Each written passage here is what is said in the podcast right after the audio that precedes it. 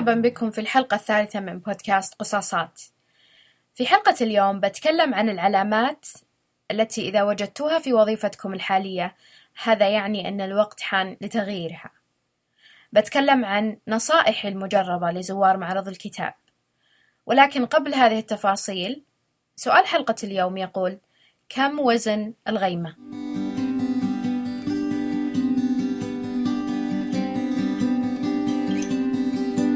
كم مرة أخرتوا المنبه الخاص بوقت العمل خلال الأسبوع الماضي؟ كم مرة وصلتوا متأخرين لمكان العمل وغادرتوا مبكرين؟ وكم ساعة من ساعات العمل خلال الأسبوع الماضي أمضيتوها في التفكير بنهاية الأسبوع ونهاية الشهر؟ هل لاحظتوا أن أجسامكم مناعتها منخفضة خلال الأشهر القليلة الماضية؟ وأن أنتم أصبحتوا تلتقطون أنواع مختلفة من العدوى خلال أوقات متقاربة؟ هذه كلها مؤشرات شخصية بأن الوظيفة اللي أنتم تعملون فيها حاليا غير مناسبة لكم وأن لازم تفكرون في شيئين إما تحسين مكان العمل أو مغادرته لمكان عمل آخر. العلامات تختلف باختلاف الأشخاص. ممكن تجدون شخص علاقته تغيرت مع مديره أو مع زملائه في العمل. يعاني من الفوضى ما يقدر يكمل المهام اللي مطلوبة منه. ولو سألتم أهله وأصدقائه بيقولون لكم أن حياته خارج العمل اختل توازنها وأنه يشتكي كثير من وظيفته وأنها تسبب له الاحتراق النفسي والإحباط. هذه على مستوى شخصي. في علامات تظهرها المؤسسة. من بينها تغير الأهداف أو تغير تعاملهم مع الزبائن. أخلاقيات العمل تختلف. يطرحون عليكم مزيد من المسؤوليات لكن ما يقابل ذلك محفزات مادية مثل إجازات أطول أو زيادة في الراتب أو حتى تقبل أفكاركم المبتكرة للقيام بمهام العمل. العلامات اللي تتركها المؤسسة أكثر وضوح من العلامات الشخصية، وغالبًا هذه المرحلة هي اللي تساعد الموظف أنه يقرر يبقى في مكانه أو يبحث عن فرصة جديدة. على أي حال تخلصوا من التردد، وإذا عرفتوا أنكم تبحثون عن فرصة عمل جديدة لا تبلغون مسؤولكم في العمل ولا زملائكم لأن في حالة ما وجدتوا بديل واضطريتوا أنكم تبقون في مكان عملكم الحالي سيسبب لكم ذلك الكثير من المشاكل شيء آخر لازم تنتبهون له العقد اللي وقعتوه مع هذه المؤسسة هل في شروط جزائية؟ هل في مدة معينة لازم تعملون فيها قبل لا تغادرون المكان؟ إذا وجدتوا فرصة عمل جديدة اكتبوا قائمة بالإيجابيات والسلبيات فيها وقارنوها بوظيفتكم الحالية. ابحثوا عن كل شيء ولا تتركوا شيء للصدفة. خصوصا أن في وقت شحت فيه أماكن العمل. وعادة اللي يترك وظيفته لازم يكون متأكد مية بالمية أنه بيلقى مكان أحسن أو على الأقل يحقق الأمور والأهداف اللي هو يبحث عنها. وفي قاعدة مهمة لازم تتذكرونها لا تحرقوا كل الجسور. يعني إذا تركتم مكان العمل حاولوا تتركونه وعلاقتكم طيبة مع المدير ومع زملائكم في العمل.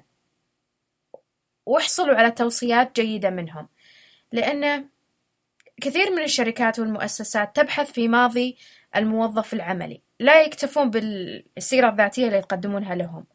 بيسألون عنكم في مكانكم السابق بيسألون مديركم بيسألون زملائكم وفي حالة وجدوا أنكم غادرتوا بسبب مشكلة أو بطريقة سلبية يمكن يضعونكم في مكان مختلف عن اللي كنتوا تطمحون له. هذا تقريبا كل اللي عندي بخصوص موضوع تغيير الوظيفة والبحث عن مكان عمل أفضل. والآن أنتقل إلى الموضوع التالي والأهم وهو النصائح الخاصة بمعرض الكتاب.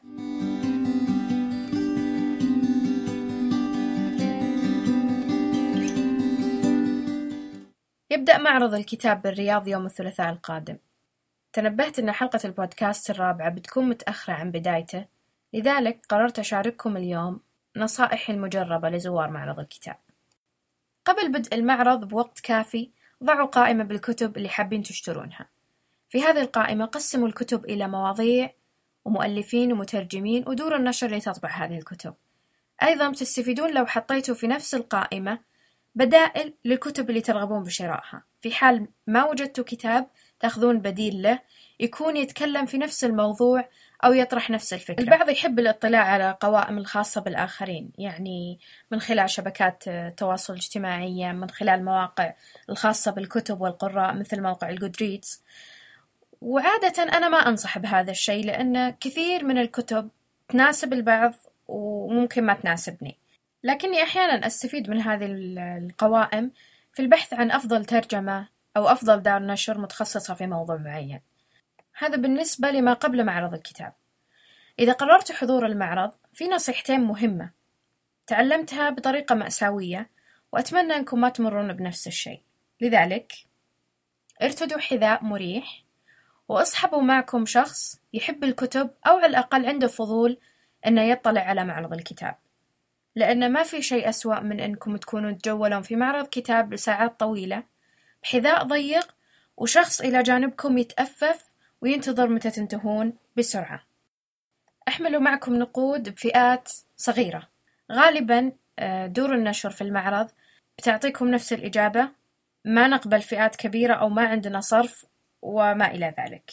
حاجة ثانية لا تشتروا الكتب اللي ممكن تكون متوفرة في المكتبات المحلية أو أكثر الكتب مبيعًا أو حتى من دور نشر محلية عندكم، غالبًا تقدرون تحصلون عليها في خلال العام، فما له داعي تثقلون على نفسكم وتشترونها الآن. وأنتم تتسوقون في معرض الكتاب ما في شيء يمنع أنكم تسمعون نصائح للباعة اللي موجودين في دور النشر. غالبًا بعضهم يمتلك ذائقة جيدة ويمكن أنه قرأ الكتب اللي موجودة في دار النشر اللي هو يعمل فيها اسمعوا النصيحة وإذا ما أعجبتكم العناوين اللي يعرضها عليكم ممكن ببساطة أنكم ما تشترونها. من جماليات معرض الكتاب الفعاليات الثقافية والأدبية المجانية اللي تقام على هامشه. دائما إذا بتزورون المعرض وتقدرون تزورونه لأكثر من مرة ابحثوا عن هذه الفعاليات وشوفوا أيها يعجبكم أو يتناسب مع اهتماماتكم. في المعرض أيضا يمكن للكاتب أنه يلتقي بمسؤولي دور النشر والنقاد والقراء على اختلاف آرائهم واهتماماتهم. هذه التجربة تشجعه على فكرة النشر مستقبلا بالاستفادة من خبرات الآخرين. وأيضا قد لا تتوفر له هذه التجربة في مكان آخر في وقت آخر خلال العام. أخيرا في فكرة حلوة لشراء الكتب.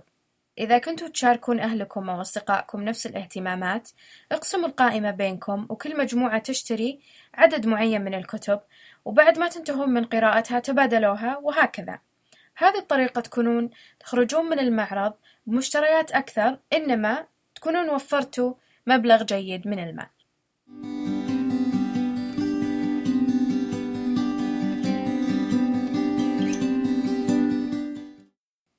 الآن جاء وقت الإجابة على السؤال اللي طرحته في بداية الحلقة كم يبلغ وزن الغيمة؟ طبعا زي ما خمنتوا ثقيلة لكن ما أتوقع أن في أحد خمن أن الوحدة المستخدمة لقياس وزن الغيمة هي الفيل حيوان الفيل. بحسب مركز الأبحاث آه، في كولورادو الأمريكية يبلغ وزن الغيمة في المعدل حوالي وزن مئة فيل. أما السحب التي تتكون وقت العواصف فيبلغ وزنها حوالي مئتين ألف فيل. طبعا ما نقدر نقارن هذا الوزن بوزن السحب التي تتكون مع الأعاصير والتي بمضاعفة أحجام أو أوزان السحب العادية وجدوا أنها يمكن أن تصل إلى أربعين مليون فيل. وهذا العدد لو قارناه بعدد الفيلة الحقيقي الموجود على سطح الأرض يكون ضعفه بحوالي ستة وعشرين مرة. هذا كل ما لدي في هذه الحلقة. الأسبوع القادم إن شاء الله بكلمكم عن أفكار ملهمة يمكن تنفيذها خلال وقت قصير. شكرا لاستماعكم وإلى اللقاء.